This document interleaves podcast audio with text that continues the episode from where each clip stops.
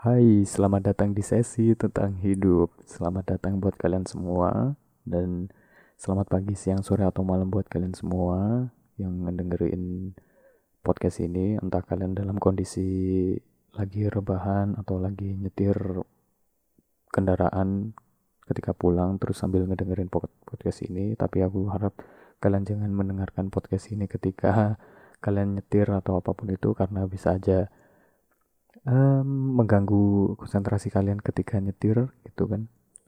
Tapi selama kalian masih bisa fokus uh, ngeliat jalanan monggo.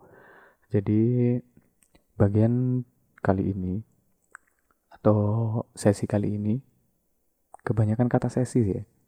Udah di judul podcastnya itu sesi tentang hidup dan di judul juga sesi sesi sesi sesi gitu kan. Tapi ya udahlah ya Sesi kali ini itu bisa disebut overthinking night drive. Jadi buat kalian semua, semoga menikmati overthinking night drive ini. Jadi sesi overthinking night drive itu bisa dibilang sebuah sesi yang sangat random. Sebuah sesi yang direcordnya juga pas malam hari. Pas lagi overthinking. Jadi daripada terbuang sia-sia proses overthinking itu lebih baik aku nge-recordnya dan menuangkannya dalam audio dan aku sebarkan apa yang ada di pikiranku ke kalian dan semoga semoga kalian bisa menikmatinya. Anyway, jadi overthinking atau pikiran-pikiran yang ada saat ini atau di malam ini itu adalah aku pengen cerita soal keraguan ataupun merasa diragukan oleh orang lain dan meyakinkan. Pasti dari kita semua gitu kan. Adalah uh, di suatu masa kita pernah merasa kayak diragukan oleh orang lain kita tidak yakin terhadap suatu hal kita merasa ragu akan satu hal gitu kan. Itu pasti pernah. Begitu juga aku. Jadi ceritanya ini adalah ketika aku mengikuti sebuah lomba bukan lomba pertama tapi ini kayak lomba kesekian kalinya. Ini ceritanya itu ketika aku SMA dan aku mengikuti sebuah lomba Olimpiade Sains Nasional bidang komputer. Jadi di setauku Olimpiade Sains itu ketika SMA itu ada dua kali. Setiap jadi setiap angkatan itu kena jatah dua kali untuk mengikuti lomba. Dan aku mengikuti kedua musim itu. Jadi pas kelas 1 ada kayak uh, lagi open recruitment gitulah untuk ikut lomba. Jadi ikut bimbingan dan segala macem. Jadi di awal semester banget itu uh, ada kayak semacam open recruitment itu untuk ikut bimbingan biar dilatih untuk persiapan lomba di semester genap. Jadi lombanya itu akan de, dilaksanakan di semester genap. Tapi open recruitmentnya itu pas kelas 1 semester ganjil atau semester 1. Jadi aku sendiri itu punya sebuah ketertarikan gitu ya dengan dunia teknologi dan segala macamnya. Awalnya aku mikir Olimpiade Sains bidang komputer tuh kayak wah menarik banget nih komputer gitu kan. Dan yang ada di pikiranku pada waktu itu itu kayak sangat simpel banget gitu. Jadi bakal dilombain yang berkaitan soal komputer kayak bagian-bagian komputer kayak gitu-gitu. Tapi itu semua berbalik 180 derajat tidak sesuai ekspektasi. Dan ketika bimbingan pertama ketika apa ya dikumpulin siswa-siswa yang mendaftar itu uh, semua itu jauh dari ekspektasi. Intinya dari lomba ini tuh ya science gitu loh. Olimpi uh, sebuah olimpiade yang berkaitan dengan sains pokoknya halabah halabah itu pokoknya. Jadi ada banyak bidang sebenarnya kayak matematika biologi fisika kimia uh, geografi kalau nggak salah pokoknya itu dan salah satunya itu ada komputer. Jadi komputer ini so untuk soal-soalnya ya ya berkaitan kayak bahasa bahasa pemrograman dasar yang bener-bener dasar banget. Kayak bahasa bahasa logika kayak gitulah pokoknya. Jadi bahasa-bahasa yang bisa diaplikasikan dalam bahasa pemrograman dan aku masih inget banget itu pakai program Pascal Pascal GUI jadi ya pokoknya kayak gitulah. Nah ceritanya karena emang suka jadi ya diikutin aja setiap bimbingan diikutin setiap materi diikutin gitu. Walaupun pada kelas 1 pada saat semester genap ketika lomba pertama itu dimulai dan alhamdulillahnya aku masuk dalam satu tim. Jadi setiap olimpiade itu dalam satu bidang itu ada lima orang yang uh, yang dari sebagai perwakilan dari satu sekolah jadi masing-masing bidang kalau nggak salah itu ada sembilan bidang ya kayak fisika biologi kimia dan segala macamnya. Itu masing-masing kebagian lima orang lima orang. Dan sebenarnya itu ngerjainnya sendiri-sendiri sih. Jadi kalau misalkan dari salah satu anggota di satu bidang itu ada yang menang ya dia akan mewakili sekolah. Kalau kebetulan dari satu bidang itu ketiga-tiganya juara satu dua tiga disabet sama satu satu sekolah ya ya udah gitu kan. Nah pada tahun pertama aku mengikuti itu emang gak menang. Ya aku mal aku lumrah aja sih merasa kayak ya maklum lah karena masih pertama dan tapi dari satu bidang itu dari aku anggapnya kayak satu tim itu nggak ada yang lolos. Ya kalau dari aku sendiri aku merasa ya maklum karena aku masih baru belajar dan satu tim itu ada tiga orang dari kelas 1 perwakilan kelas 1 dan kelas 2 nya itu dari kelas 2 nah aku mikirnya ya pasti dari salah satu dari kelas 2 itu dari kedua orang itu pasti ada yang menang lah. Apalagi aku waktu itu kenal sama satu orang itu uh, dia itu adalah salah satu paralel.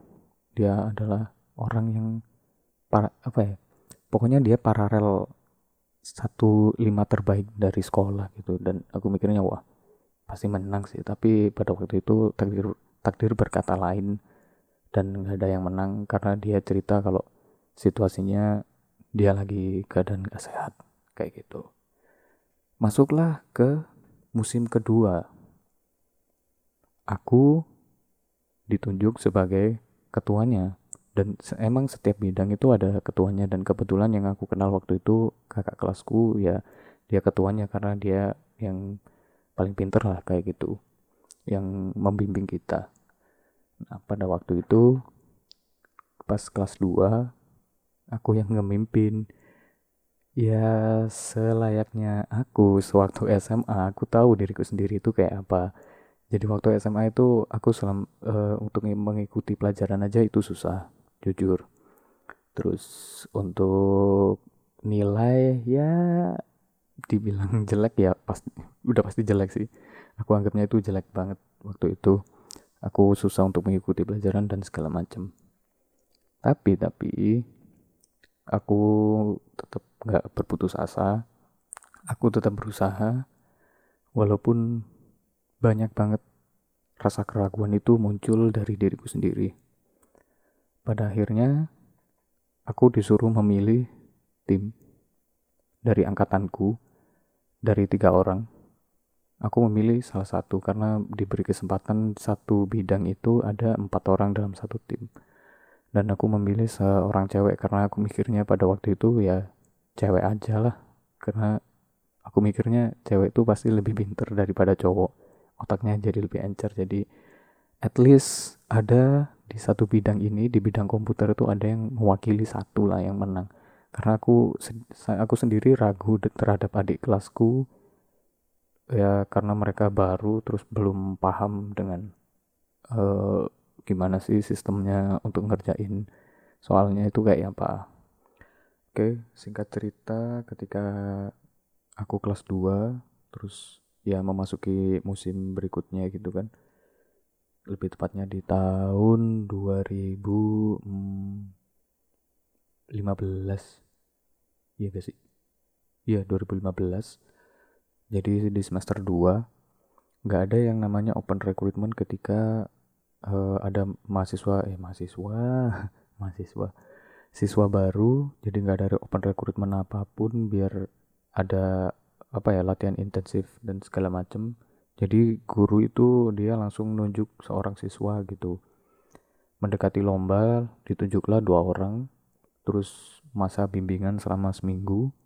Berjalanlah proses masa bimbingan itu dengan penuh rasa keraguan karena aku sendiri waktu itu ditunjuk sebagai ketua yang di mana aku sendiri sadar bahwa aku ini adalah seorang siswa yang tidak begitu lancar dalam menerima pelajaran otakku juga gak terlalu encer tapi ya udahlah ya pasrah aja karena itu pembina waktu itu bener-bener istilahnya dia kayak percaya banget gitu sama aku. Walaupun ya dari teman-teman gitu ada yang ada banyak yang ragu bahkan ada yang guru seorang guru itu guru matematika aku inget banget waktu itu dia itu sangat ragu dengan apa yang aku lakukan dia pun sangat bertanya-tanya ketika aku ikut lomba itu jadi oke okay lah ya udahlah kalau diraguin ya udahlah dan cerita lucu ketika pas lomba ketika lomba berlangsung aku masih sempat-sempatnya untuk tidur di menit-menit pertama proses ngerjain soal. Aku sendiri sadar bahwa ya aku ini orangnya emang apa ya tukang tidur lah. Bahkan di kelas pun tidur. Ketika lomba bahkan itu juga tidur. Nggak tahu situasi dan kondisi lah pokoknya.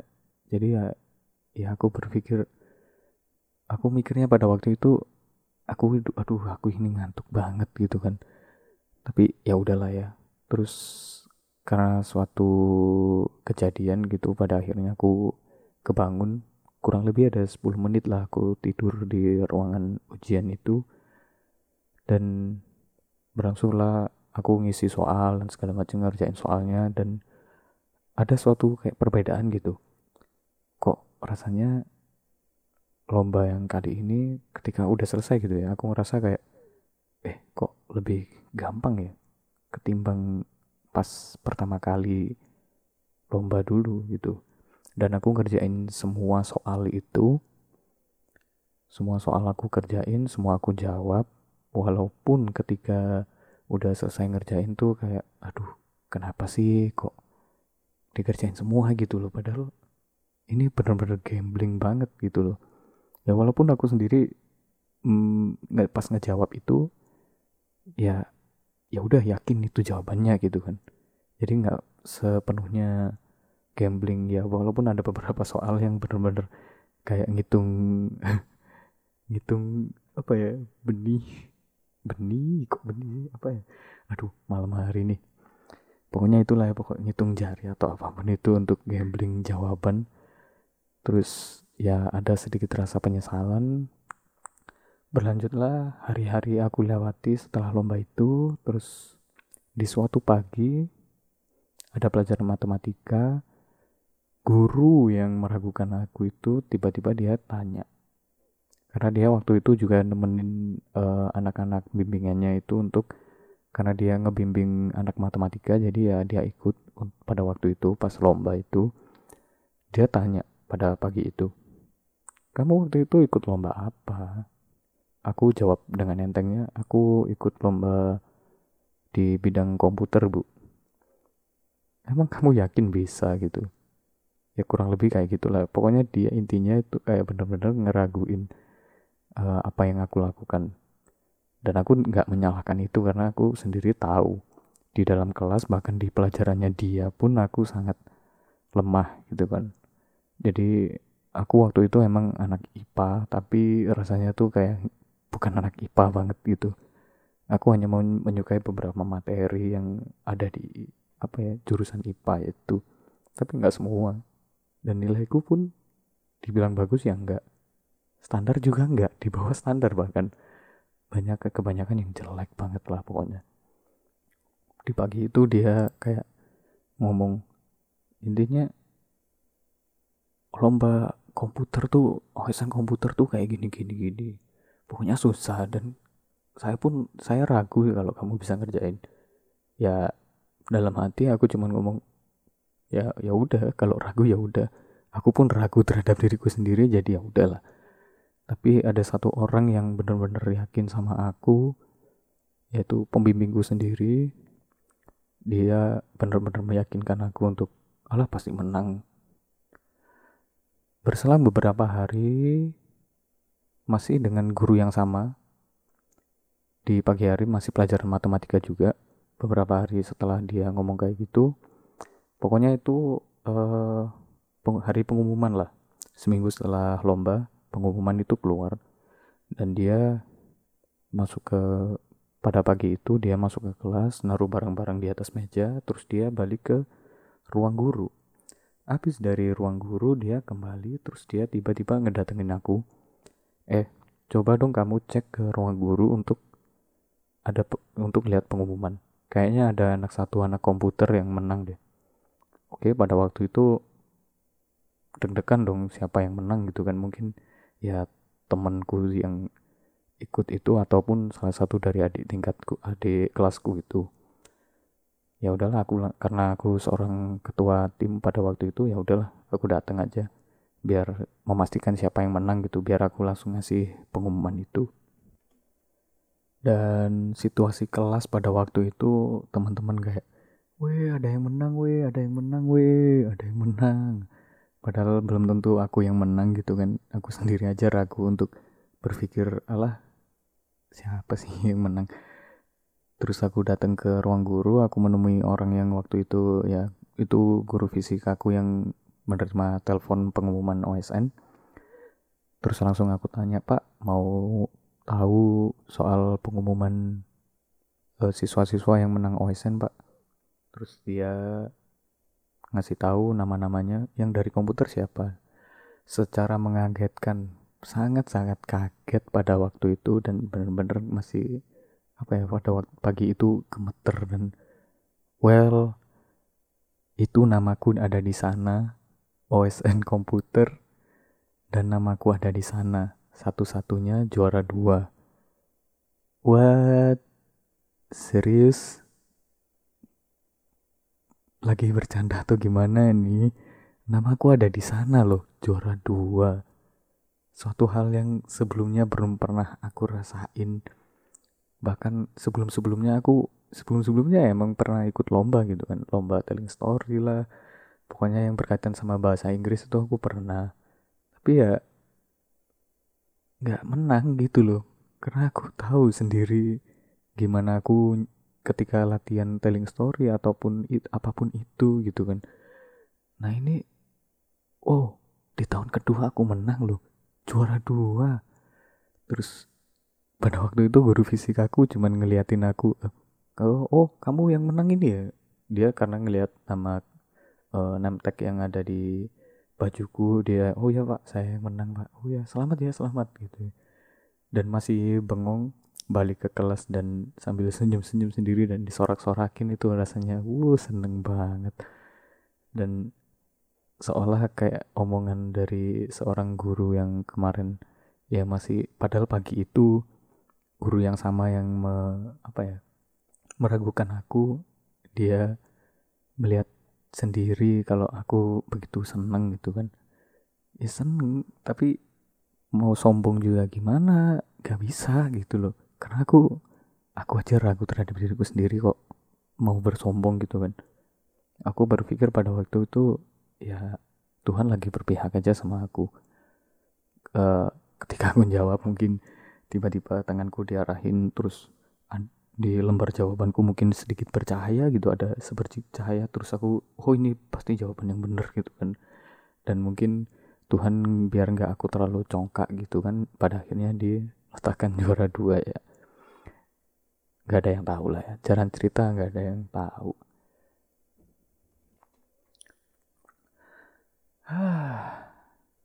Dari apa ya dari proses itu semua dari kejadian-kejadian itu aku jadi kayak flashback ketika aku kelas 1 kelas 1 SMA di semester genap masih di semester genap ada pembagian kalender pembagian kalender yang di mana aku tuh kayak iseng-iseng mikir kayaknya seru deh kalau misalkan aku ada di kalender itu sendirian gitu di foto gitu kan. Tapi mikirnya lah ngapain? Kayak gimana caranya ya itu? Tapi ya udahlah langsung aku lupain. Tapi itu pas aku SMA itu bener-bener kejadian di kalender 2016 dan kalender itu masih ada sampai saat ini.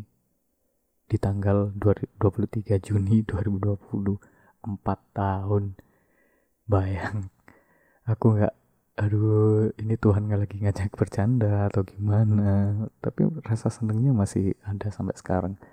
Dan aku yakin dari kalian semua yang ngedengerin podcast ini kalian pasti pernah mengalami kayak proses-proses kayak gitu bener-bener kayak ketika nginget-nginget tuh kayak aduh ketika lagi ada masalah terus tiba-tiba keinget uh, kejadian-kejadian kayak gitu kayak sebikin senyum-senyum sendiri dan baliklah semangat-semangat yang mungkin lagi kita lagi ngedown terus kita inget kejadian itu jadi oke okay, aku harus semangat gitu kan.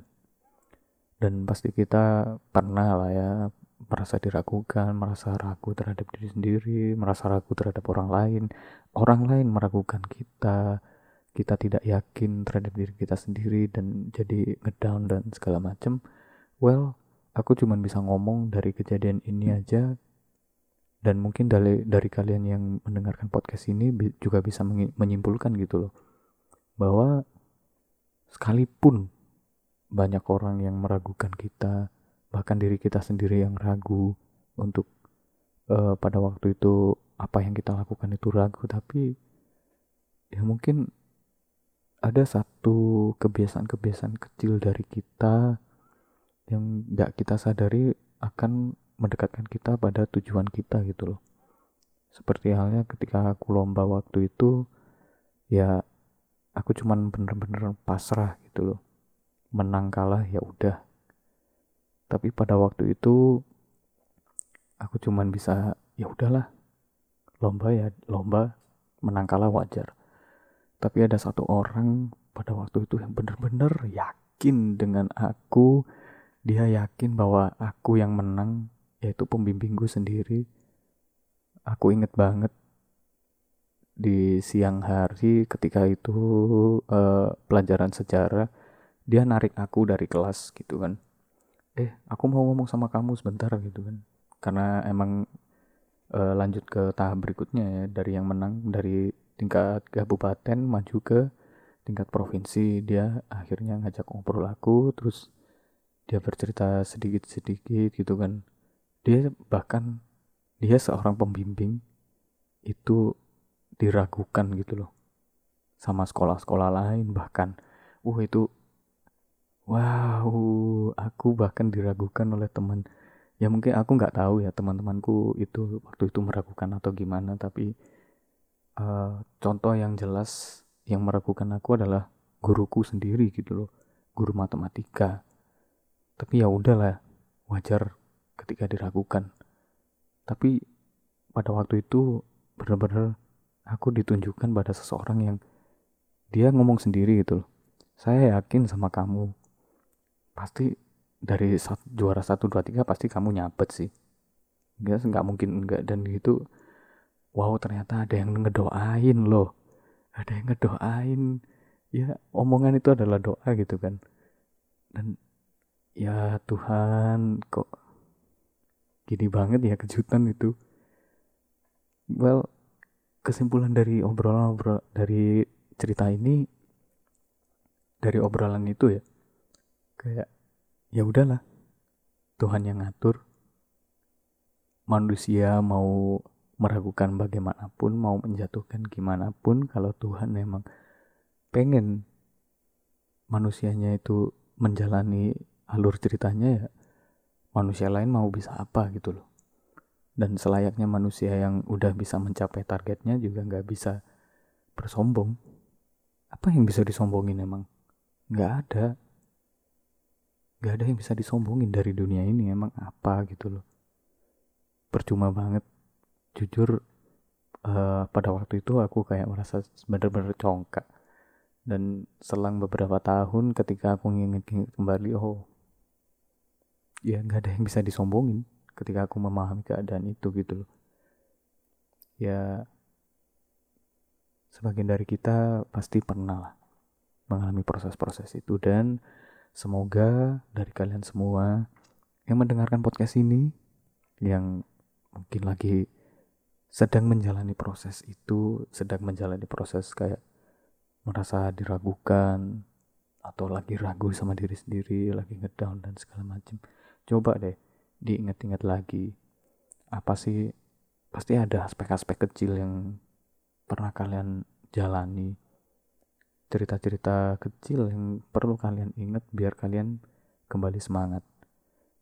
Jujur aku sendiri sulit untuk menyemangati diriku sendiri ketika lagi down. Tapi aku benar-benar berusaha untuk gimana caranya biar aku tetap semangat untuk menjalani proses-proses yang lain. Merasa diragukan itu wajar. Merasa kita diragukan itu wajar semua itu wajar. Bener-bener wajar banget. Tapi balik lagi dari diri dari kita, diri kita sendiri itu mau yakin terhadap diri kita atau enggak? Kita mau benar-benar mau berusaha atau enggak? Karena takdir setiap orang tuh beda-beda. Bahkan kita per, pasti punya temen yang di mana dia tuh nggak banyak usaha tapi hoki banget gitu loh dia benar-benar beruntung dan segala macam. Ya mungkin ada uh, unsur-unsur uh, kecil yang kita nggak pernah tahu dari dia. Mungkin dia su apa ya suka sholat malam atau apa pun itu. Jadi ya jangan pernah membandingkan diri sendiri dengan orang lain. Ataupun terlalu meragukan orang lain atau mengolok-olok orang lain. Tapi ya semua orang itu udah menjalani takdirnya masing-masing. Jadi buat kalian semua yang lagi nggak semangat, merasa diragukan, kehilangan keyakinan atau apa pun itu, cobalah untuk mengingat-ingat kembali apa yang udah dijalanin. Siapa tahu ada cerita-cerita lucu yang bikin kalian semangat lagi. So, sebagai penutup, ya kesimpulannya udah tadi sih. Semoga kalian tetap semangat dan terima kasih udah ngedengerin cerita yang aku sampaikan ini. Dan semoga memberi manfaat buat kalian semua memberi kalian semangat. Tetap semangat terus ya kalau kalian lagi ngedown. Jangan putus asa. Putus asa bolehlah sekali-sekali tapi jangan pernah berhenti untuk berusaha. Karena takdir Tuhan itu gak ada yang tahu Wim di sini Malang 23 Juni 2020 signing out. Bye bye